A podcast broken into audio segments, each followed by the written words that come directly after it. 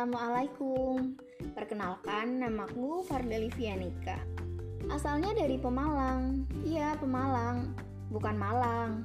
Kalau Malang itu di Jawa Timur. Kalau Pemalang adanya di Jawa Tengah. Aku dari Pendidikan Kewarganegaraan dan Hukum tahun 2019 dari Universitas Negeri Yogyakarta. Jadi aku bikin podcast ini untuk melengkapi tugas hukum Islam yang dikasih sama UPI. Iya, dikasih sama UPI soalnya lagi collab. Jadi aku mau jelasin tentang asas-asas hukum Islam. Mulai dari pengertiannya dulu ya. Pengertian asas hukum Islam secara etimologis berasal dari kata berbahasa Arab asas yang berarti fundamen, Asas merupakan suatu pernyataan fundamental atau kebenaran umum yang dapat dijadikan pedoman pemikiran dan tindakan. Asas-asas muncul dari hasil penelitian dan tindakan. Asas ini bersifat permanen, umum, dan setiap ilmu pengetahuan memiliki asas yang mencerminkan intisari kebenaran dari bidang ilmu tersebut.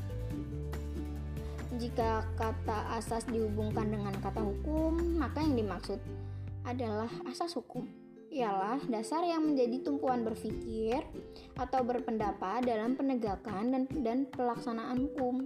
Dengan demikian, asas hukum Islam merupakan rujukan atau dasar pijakan untuk mengembalikan segala permasalahan yang terkait dengan hukum Islam. Oh iya, asas-asas hukum Islam ini meliputi semua kajian atau ruang lingkup hukum Islam. Dengan demikian, asas-asas hukum Islam ini meliputi ibadah, dan muamalah. Secara umum, asas-asas hukum Islam dibagi menjadi tiga, yaitu yang pertama ada asas keadilan. Asas keadilan ini merupakan asas yang sangat penting dalam hukum Islam yang mendasari semua asas hukum Islam lainnya.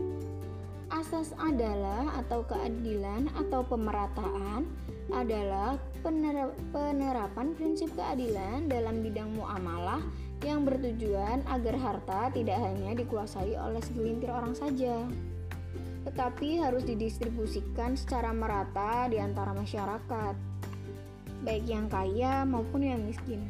Dengan dasar tujuan ini, maka dibuatlah hukum zakat, sodakoh, dan infak. Tidak hanya dalam proses penetapan hukum atau penetapan terhadap orang yang berselisih, melainkan juga menuntut keadilan terhadap diri sendiri orang tua, dan kerabat dekat. Lalu, yang kedua, ada asas kepastian hukum.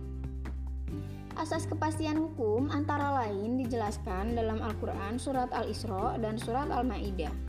Kedua surat tersebut dapat dipahami bahwa suatu perbuatan tidak dapat dikenai sanksi hukum kecuali ada ketentuan perundang-undangan yang ada terlebih dahulu sebelum perbuatan itu terjadi. Asas ini merupakan asas yang sangat penting dalam hukum Islam dan dapat dijadikan suatu dasar dalam mengukur suatu keadilan serta menjamin kepastian hukum. Lalu yang terakhir ada asas kemanfaatan. Asas kemanfaatan adalah asas yang mengiringi asas keadilan dan asas kepastian hukum. Asas ini juga disebut dengan asas kemaslahatan. Hmm, menarik sekali bukan materi yang disampaikan tentang asas-asas hukum Islam ini? Oke, sekian dulu ya podcast hari ini. See you on the next time.